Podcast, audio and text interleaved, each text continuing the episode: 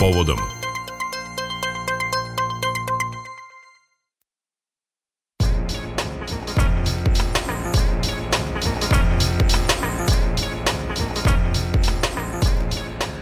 Deset sati i devet minuta slušate radio Novi Sad. Na badnji dan temperatura u Novom Sadu je 10 stepeni. Toliko je izmereno prema poslednjim podacima i na Paliću, u Somboru je 11, u Zrenjaninu 9, dakle temperature iznad proseka za ovo doba godine. A u nastavku prepodnevnog programa od A do Š Radio Novog Sada sledi rubrika Povodom. Mnogi običaji za hrišćanske praznike preuzeti su iz paganskih mitskih vremena. Neki su ostali u izvornom obliku, poput paljenja badnjaka, neki su vremenom dobijali drugačije forme, prilagođene tadašnjem načinu života. I savremeno doba, ne samo umetnost, već i svakodnevna komunikacija, bašteni mnogo toga iz tradicije, a da to na prvi pogled nije prepoznatljivo. E, tu tranziciju, naročito u dramsku i književnost za decu, ali i u urbani folklor, proučavala je tokom svoje karijere Ljiljana Pešikan-Ljuštanović, profesorka narodne književnosti u penziji. Sa njom je razgovarala Tatjana Novčić-Matijević. Ono što je lepo kod naših istraživača te usmene tradicije, a što je vidljivo u, ja ne znam, N vaših tekstova, jeste nalaženje tih motiva, formi, oblika, nekakvih zakonitosti u savremenom pismu. Svejedno da li je dramska literatura, proza, poezija, da li je literatura za decu, za odrasle. Zanimljiv je taj put tog prenošenja i, i transformacije. Mi smo skloni kao najšira javnost da imamo te neke opšte slike o onome šta je naša tradicija. A onda se ispostavi da zapravo ne znamo da prepoznamo u tom savremenom pismu da ta tradicija živi. Godinama su se zabavljali na nekom od tih sajtova, samo studentskih. Neko je okačio moju izjevu šta kažete, kolega naš narod kaže, svašta naš narod kaže i onda se to posle Ja sam se pitala otkud znaju kako dođu, kad ja počnemo tradiciju, neko uvek viče svašta naš narod kaže. Tradicija je vrlo složena. E, postoji i naša životna tradicija.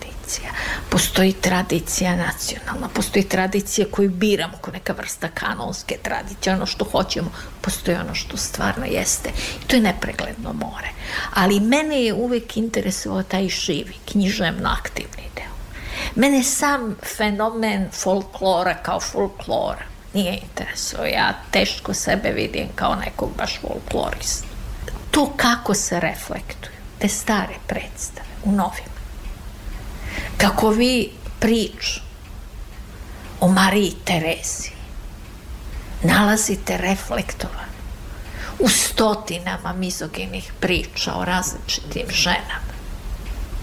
Na isti način preobraženi kako vi e, vic koji se prvi put javlja u Aleksandridi, bar je prvi put tada zapisan, nalazite u pričama o Titu, o, o Slobodanu Miloševiću i nekom tamo iz Nakto pakta. Čovek nije baš tako e, kako mu se čini, čak i onima koji su nekakve pristalice modernosti, gledanja u napred. Čovjek je, ja mislim, čvrsto verujem u ono što su Lotman i Uspenski tvrdili da mi imamo u svom mozgu taj logičko-racionalni mit, mitski deo i mitopoetski kao ono što objedinjuje to dvoje. I meni je to, mene to uvek interesuje. Mene uvek interesuju žive stvari. A drugo, mene uvek interesovalo, ja ću naći reflekse narodne, ja znam nekad ljude jako nervira to što ja radim, kako jedna koleginica kaže, ti ne možeš bez narodne, kažem, naravno da ne mogu bez narodne. Šta ću ti kažem, šta, gde ima, gde je tu narodna? Mnoge stvari će se mogu bolje razumeti. Drugo, tu ima velike poezije. Nije baš sreća način na koji se ona prezentuje u školi. Neko bi trebao da malo razdrama, a onda pomislim, e, mi moramo prosto navikavati na tu poliglosiju. Ako nešto može škoditi srpskoj kulturi, to je naša često bazarovljevska sklonost. Sad ćemo mi sve da rušimo pa da zidamo iznova. Ja znam ljude koji misle da je užasno štetno baviti se bilo kakvim vidovima narodne književnosti. Pametnog čovjeka znam koji ima običaj da mi kaže kad smo studirali ništa starije od dve godine, ja ne čitam, ne citiram, ne interesuje me, to je sve preživelo. To je, to je moguć stav, mogući odnos prema stvarima, ali prilično površan. Jer neki mehanizmi opstaju. Ni bez razloga sam se ja tako puno bavila dečijom i pozorištem. Jedno i drugo skoro uvijek imate usmenu situaciju. Ljudi u pozorištu. Jeste to sve zapisano, jeste to sve režirano.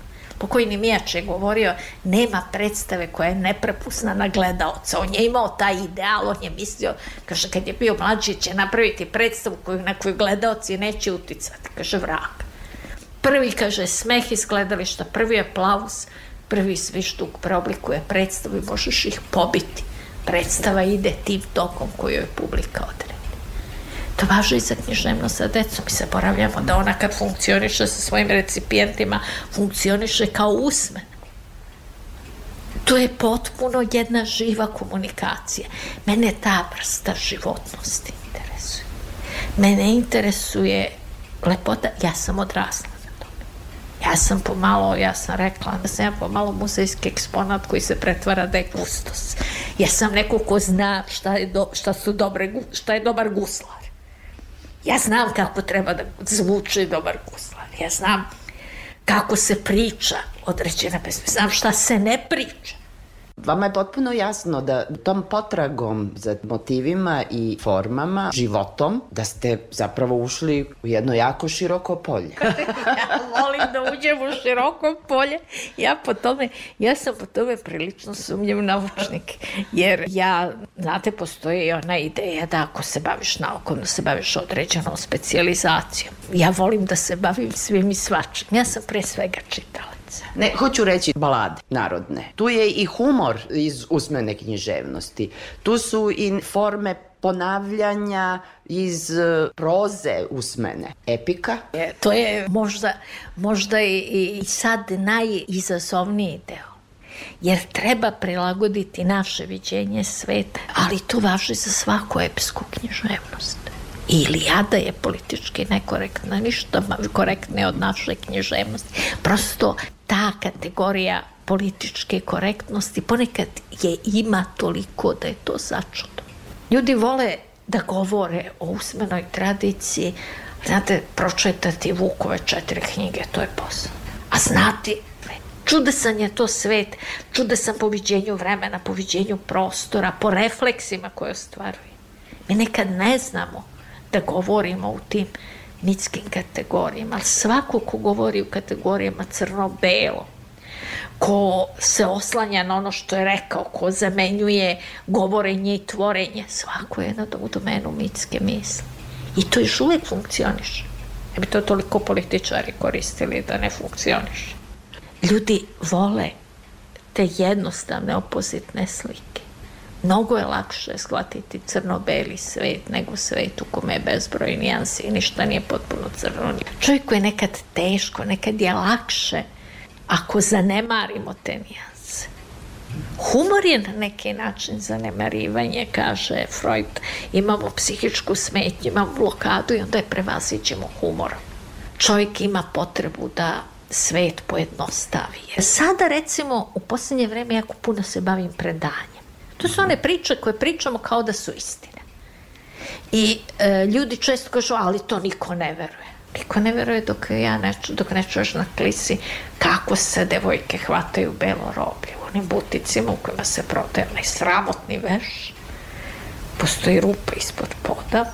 Oni ispitaju devojku koga ima, šta ima. I kad ona, one koje probaju bezobrazni veš propadnu kroz tu rupu i odu u belo roblje. Ja sam tu priču slušala, ja sam je sad naravno karikirala i pojednostavila.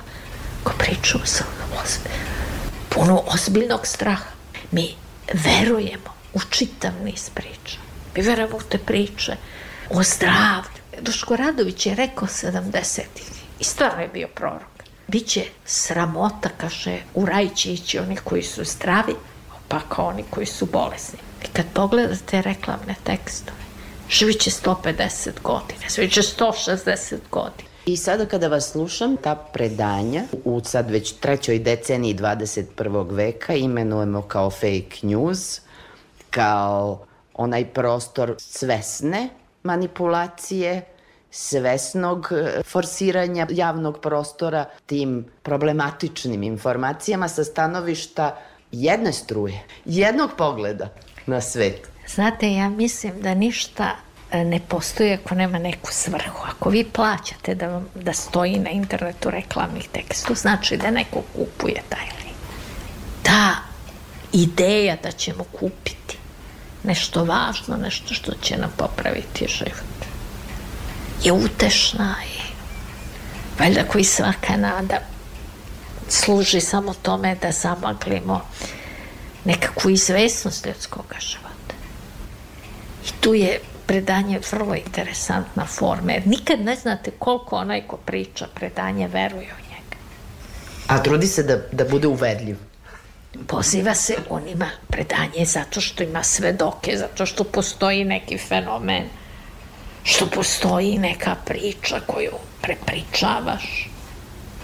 I onda sve može biti, sve, sve, sve može ići u prilog. To što neko kaže da je to laža, to je zato da bi od nas sakrili to. Ja recimo savršeno verujem da ovim svetom upravlja, ne upravljaju samo oni koje mi vidimo, da mnogi od njih su lutke, marionete. Ali ne verujem da moj taksista zna ko poteže konce američkom predsjedniku, stvarno ne verujem.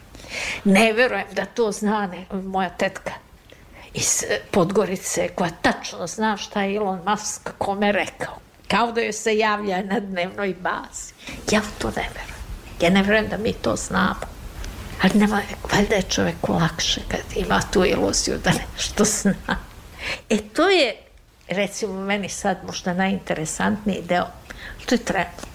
Pa dobro, ali je i aktuelno. S obzirom na ovaj prostor informacija u tom vrtlogu u kojem funkcionišemo. Pa jeste, ja se sad takođe spremam se, ako Bog da, ako budem poživjela da se pozabavim recimo pripovetkama Gorana Skrobonje. On je jedan od prvih koji su uveli horor u mainstreamu, mm. nešto što je kod uvaženog izdavača, što više nije skoro nekakva alternativna literatura.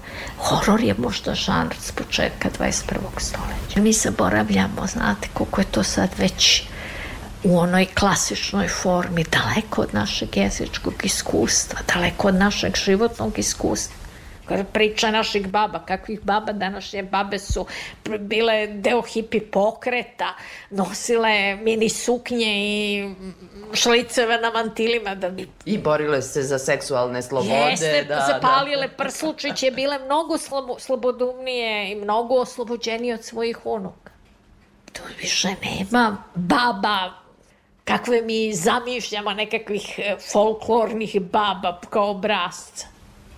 Što bi rekla jedna kazivačica, jedna moja koleginica, ona pita, jel bi to verujete? Kaže, pa šteti, pa nisam mi primitiv. Ko danas veruje u veštice? Nakrpi je. Dobro, kaže, da, u redu. A možemo li Ceca i ja da odem malo do brega, do Titalskog brega da prošetam?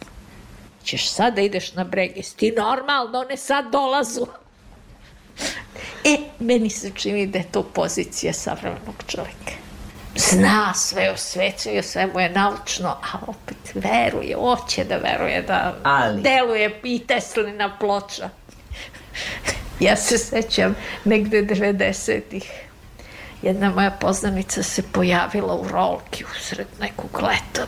Majica, ali rolka. Šta ti je? Ćuti kaže da vidiš potegne kragnu, velika ljubičasta flekana, šta ti je, to je neka kožna bolest, ne, nego kaže Teslina purpurna ploča. Stavila sam je tu da mi pomogne, ona pustila farbu i malte ne tetovirala. Znate, to je svi ti beli magovi, koliko god blesali izgledali, oni žive od nekoga.